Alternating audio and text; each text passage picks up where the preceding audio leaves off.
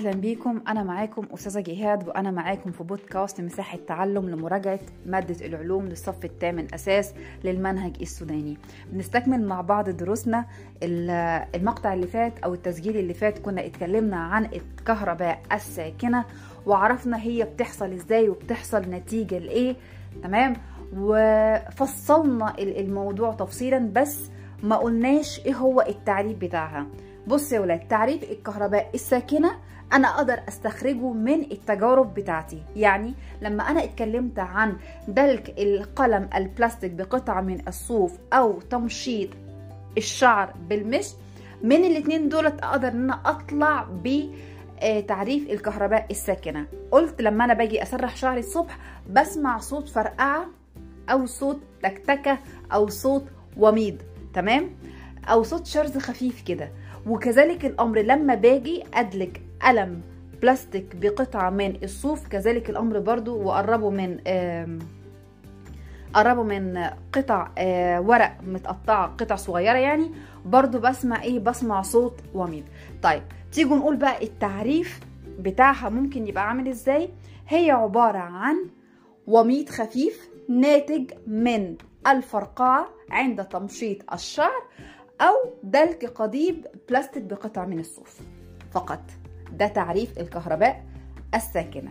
وأهم نقط وقفنا عليها في التسجيل اللي فات كانت بنقول إن ده بينتج عن انتقال الإلكترونات من جسم إلى جسم آخر وبالتالي بتتغير شحنة الجسم لشحنة وإيه والجسم التاني بتتحول شحنته إلى شحنة إيه إلى شحنة أخرى وبالتفصيل اتكلمنا عنها.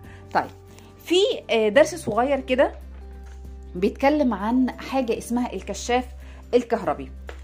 طبعا هو ده بيحتاج رسمة. إن شاء الله في الدرس المرئي ممكن نقدر إن إحنا نرسمها بإذن الله يعني. طيب إيه هو الكشاف الكهربي؟ الكشاف الكهربي ده هقول لك على قصة حلوة صغيرة كده. أنا مرة وكنت صغيرة وبعدين حصل مشكلة عندنا في الكهرباء. حصل في بيتي مشكلة في الكهرباء تمام؟ فجاء الكهرباء استدعوا الكهرباء الكهربائي. وأثناء ما هو بيصلح العطل ده عايز يعرف إيه اللي حصل في الأسلاك. فبدأ إن هو عشان خاطر يعرف الأسلاك دي بتجري فيها الكهرباء ولا لأ جاب لمبة مصباح.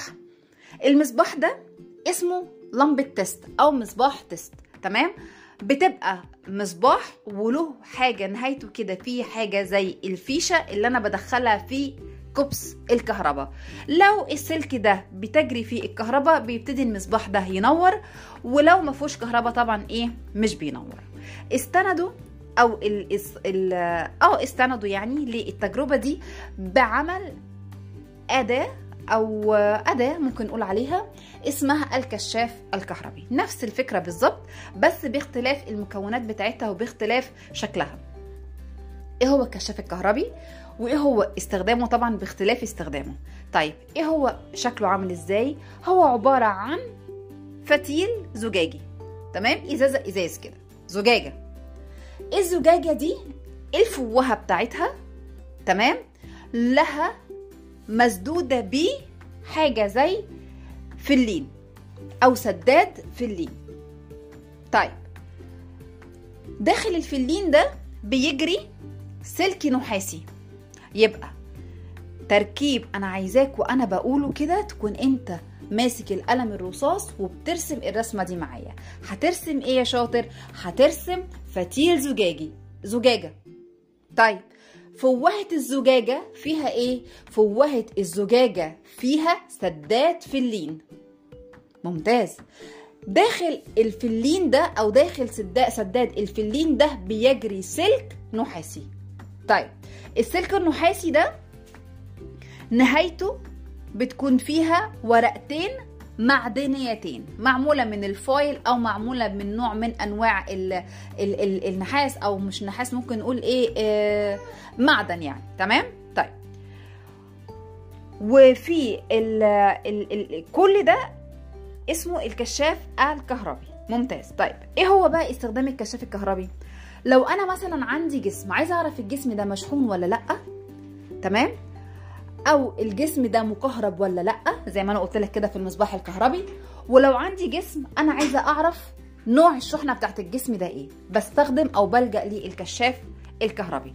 يبقى الكشاف الكهربي اللي أنا عايزة أعرفه فيه هو شكله عامل إزاي؟ الرسمة زي ما أنا بقول لك زجاجة. الفوهة فيها سداد فلين بيجري داخل السداد الفلين ده سلك نحاس في نهاية السلك النحاس معلقة ورقتين الورقتين الورقتين دولت معدنيتين طيب سؤال. أذكر استخدامات الكشاف الكهربي. واحد التعرف على الأجسام المكهربة. عايز أعرف الجسم ده مكهرب ولا لأ؟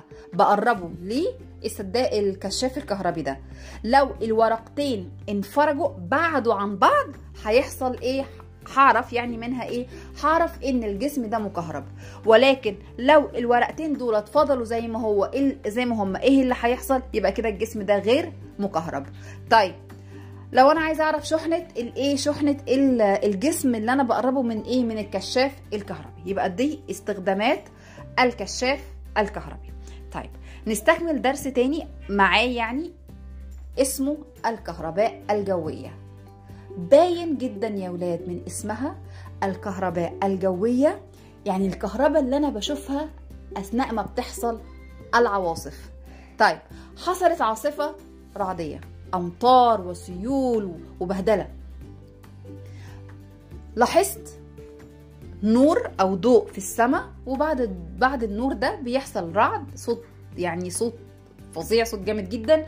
بسمعه بسمعه إيه؟ بسمعه بوداني لا أنا عندي الموضوع تطور والعاصفة دي أجمد وأشد. يمكن إيه النوع نوع من أنواع العواصف اللي ممكن بتحصل كل كذا سنة. يعني مثلا ما تحصلش كل كل سنة لا ممكن تحصل كل 10 سنين كل خمس سنين. بس بتحصل بعنف وبتحصل بقوة. تمام؟ فبيحدث عنها حاجة اسمها صاعقة. تمام؟ عندنا في السودان بنقول عليها الصقعة. يعني إيه؟ بنقلب العين مكان مكان القاف. طبعا باختلاف القاف بتتقلب لجيم في اللهجة السودانية بتاعتنا. ممتاز. طيب. الكهرباء. الجوية نوع من أنواع الكهرباء الناتج عن احتكاك السحب. السحب بتحتك ببعضها بيحدث رعد بيحدث برق الأول بيحدث رعد. قد يتطور الموضوع ويحدث عندي صاعقة. ممتاز الكلام ده. طيب. يبقى أنا كده أول حاجة طلعتها من الدرس ده وهو ما هي الكهرباء الجوية؟ هي نوع من الكهرباء ناتج عن احتكاك السحب. طيب عشان خاطر أكمل فيها قلنا إن بتحصل عاصفة وبشوف عندي برق اللي هو الضوء. طيب الضوء ده عبارة عن إيه؟ أو ممكن أعرفه إن هو إيه؟ بقول إن الضوء ده هو عبارة عن شرارة كهربية أو وميض ناتج عن تفريغ أو التفريغ الكهربي بين السحب أو بين سحابتين تاني البرق اللي بيحدث عندي في العاصفة هو عبارة عن إيه يا شطار؟ هو عبارة عن برافو شرارة كهربية أو وميض صح هو ضوء ضوء خاطف بيحصل بسرعة تمام بينتج عن إيه الضوء ده؟ بينتج عن التفريغ الكهربي بين إيه؟ آه بين السماء والأرض بين الأنهار؟ لا.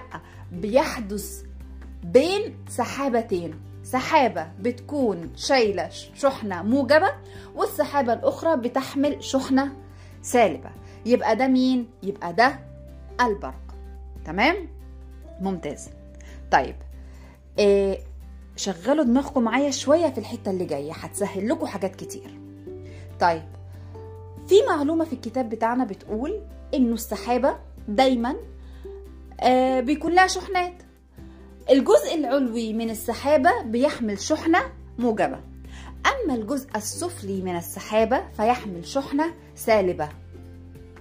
طب ليه؟ اشمعنى أنا ما قلتش إن الجزء العلوي بيحمل شحنة سالبة والجزء السفلي بيحمل شحنة موجبة؟ هقولك. الأرض اللي إحنا بنمشي عليها اللي خلقها ربنا طبيعتها في الطبيعة الشحنة بتاعتها بتبقى شحنة موجبة تمام؟ تمام فلما السحابة بتبقى الشحنات بتاعتها متلخبطة لما بتيجي بقى تترتب الشحنات دي فالجزء السفلي من السحابة بتترتب فيه الشحنات السالبة والجزء العلوي بتترتب فيه الشحنات الموجبة نتيجة للتجاذب اللي بيحصل بين السحابة وبين الأرض. تجاذب الشحنات يعني بين السحاب وبين الأرض.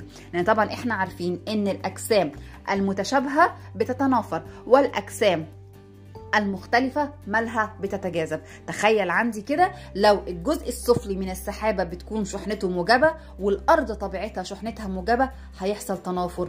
يعني إيه إيه إيه مش عارفة ممكن ما يبقاش في أرض ممكن ما يبقاش في سماء هتبقى في لخبطة جامدة في جوطة جامدة قوي تمام؟ يبقى حط في دماغك دايما وانت بتتكلم أو وانت بتحل السؤال اللي بيتكلم عن الكهرباء الجوية إن السحاب الجزء العلوي من السحاب ذات شحنة إيه؟ شحنة موجبة. أما الجزء السفلي من السحابة ذات شحنة سالبة ناتج عن الأرض شحنته أو الأرض شحنتها شحنة موجبة. تمام؟ فبيحصل بينهم هما الاثنين نوع من أنواع التجاذب. حلو قوي. طيب. تاني حاجة عايزة أعرفها في الكهرباء الجوية حصلت العاصفة شفت البرق والبرق طبعا ده قلنا إن هو شرارة ونرجع نقول برضو إن بقى في التفصيل العلمي للبرق إن البرق ده ضوء والضوء بيحصل قبل مين يا حلوين؟ أيوه قبل الصوت. الضوء أسرع من الصوت لأن سرعته بتكون 300 ألف كيلو متر في الثانية الواحدة ولذلك بيحصل الأول. طيب حصل البرق هيحصل بعد كده مين؟ هيحصل بعد كده الرعد. طيب مين هو الرعد؟ هل هو كهرباء؟ لا هو صوت أنا بسمعه بودني مش بشوف الرعد أنا بسمعه. تمام يعني حاسة السمع عندي هي اللي بتدركه مش حاسة البصر. يبقى الرعد هو عبارة عن صوت له دوي صوت له دوي يعني مش مجرد صوت بيحصل وخلاص لا لا ده صوت قوي جدا. صوت ممكن يكون له صدى وله دوي وصوت جبار صوت صوت عالي جدا جدا جدا وقوي جدا جدا جدا. وده عشان خاطر كده قلنا إن هو ممكن يكون من مصادر الضوضاء الطبيعية. طيب بيحدث نتيجة الاندفاع من آه اندفاع مين؟ اندفاع الهواء من مناطق الضغط المرتفع إلى الضغط المنخفض. الرعد ده بيحصل نتيجة لإيه؟ أنا عندي آه هواء في ضغط عالي وضغط منخفض طبيعي في الدنيا اللي حوالينا. تمام. لما بيجي الهواء ده يتحرك من الضغط المرتفع إلى الضغط المنخفض كأنك بتملى كوباية بالمية تمام؟ حاطط الكوباية فاضية تحت الحنفية ومشغل الحنفية دي على أعلى حاجة يعني مشغلها على الآخر خالص فبتلاقي إن صوت الحنفية بيبقى عالي قوي تمام؟ ليه؟ لأن المية جاية من ضغط عالي إلى ضغط منخفض. فأنا بسمع الصوت عالي. تخيل بقى ده مثال كوباية مية أنا بملاها من من الماسورة بملاها من الحنفية. طب ما بالك لو حدث في الجو. تمام؟ يعني مكان شاسع مكان واسع. تمام؟ مساحات كبيرة من الهواء. ضغط عالي جدا جدا جدا فوق ما إحنا ممكن نتخيله. وضغط منخفض جدا جدا جدا فوق ما إحنا ممكن نقدر نتخيله. الصوت هيبقى عامل إزاي؟ هيبقى صوت قوي له دوي مين الصوت ده؟ هو البرق. تمام؟ تمام. ماذا؟ سؤال بقى. من يحدث اولا؟ مين اللي بيحدث أو ما يحدث اولا؟ مين اللي بيحدث الأول؟ الرعد ولا البرق؟ لا البرق بيحدث الأول وأنا قلت الكلام ده ليه؟ لأن البرق ده ضوء وسرعة الضوء بتبقى أعلى من سرعة الصوت اللي هي بتكون سرعة الضوء كام؟ 300 ألف كيلو متر في الثانية الواحدة. أما سرعة الصوت فهي بتكون 331.3 من عشرة كيلو متر في الثانية الواحدة. حلو يا ولاد كده؟ جميل جدا. نيجي لثالث جزء في درس الكهرباء الجوية وهي الصاعقة. قلنا إن الرعد هو عبارة عن شرارة كهربية أو ومضة. سريعة طيب هل الصاعقة زيها؟ لا الصاعقة. يعني الصاعقة دي ممكن لما بتحدث ممكن تحرق غابات. الصاعقة دي لما بتحدث ممكن تصعق قطيع من البقر. ممكن تموت بني آدمين ممكن تصعق كمان أسماك. يعني حمانا الله وحفظنا الله يعني. تمام؟ يبقى اذا الصاعقة هي عبارة عن شرارة كهربية قوية قوية جدا. تحدث بين السحاب وقمة أعلى شيء. طب أنا هقولك على حاجة حلوة. تيجوا نحط البرق والصاعقة مع بعض. طيب البرق شرارة كهربية أو ومضة تحدث عند التفريغ الكهربي بين سحابتين وحط تحت سحابتين خط. تعالوا في الخانة التانية. الصاعقة. هي شرارة كهربية قوية تحدث عند التفريغ الكهربي بين السحاب وقمة أعلى شيء سحابة وناطحة سحابة تمام؟ سحابة وبناية عالية. سحابة وأريال مثلا بتاع شركة اتصالات. تمام؟ سحابة وبرج هوائي. سحابة وأعلى قمة بيت. بيت عادي بس فيه قمة تمام؟ يبقى البرق بين سحابتين التفريغ بيحصل بين سحابتين أما الصاعقة ما بين السحابة أو السحاب وقمة أعلى شيء. ممتاز. طيب.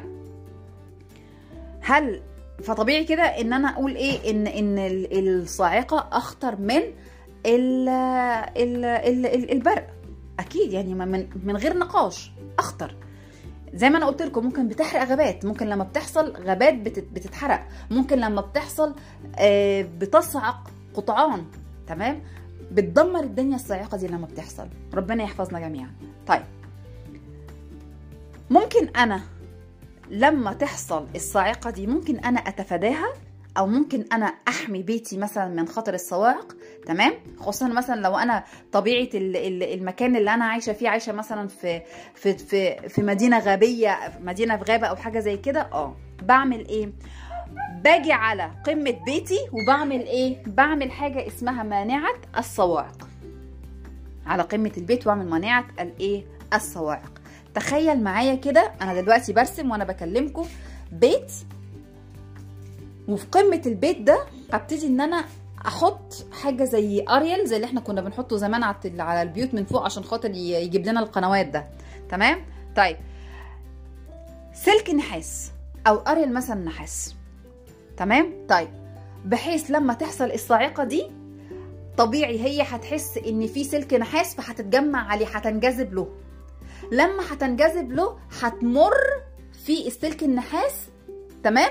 والسلك النحاس ده يكون متوصل بالأرض تحت في الأرض. يبقى هو أنا عندي مثلا بيتي وأنا حاطة فوق سلك نحاس عشان خاطر الصاعقه لما تحصل ما تأذيش البيت نفسه. تمام؟ هي لما هتحصل هتحس بالسلك النحاس اللي في أعلى البيت فهتيجي عليه. أنا بقى أكون ذكي. أنا موصل السلك النحاس ده من داخل البيت وطبعا عامل له عوازل قويه جدا. تمام؟ وموصله لباطن الأرض تحت الأرض. كمان مش مش تحت البيت على طول لا ممكن يكون تحت البيت بامتار عشان خاطر أول ما تحصل عندي الصاعقة الكهربية دي يحدث عندي إيه؟ يحدث عندي تفريغ لها تحت سطح الأرض. يبقى لتفادي خطر الصواعق ينصح بصناعة نقط أكمل بصناعة مانعة الصواعق. حلو كده؟ جميل جدا. يبقى كده يا شطار خلصنا الدرس بتاعنا وهو الكهرباء الجوية. هنستكمل مع بعض دروسنا في المقاطع الجاية. شكرا لكم أنا أستاذة جهاد.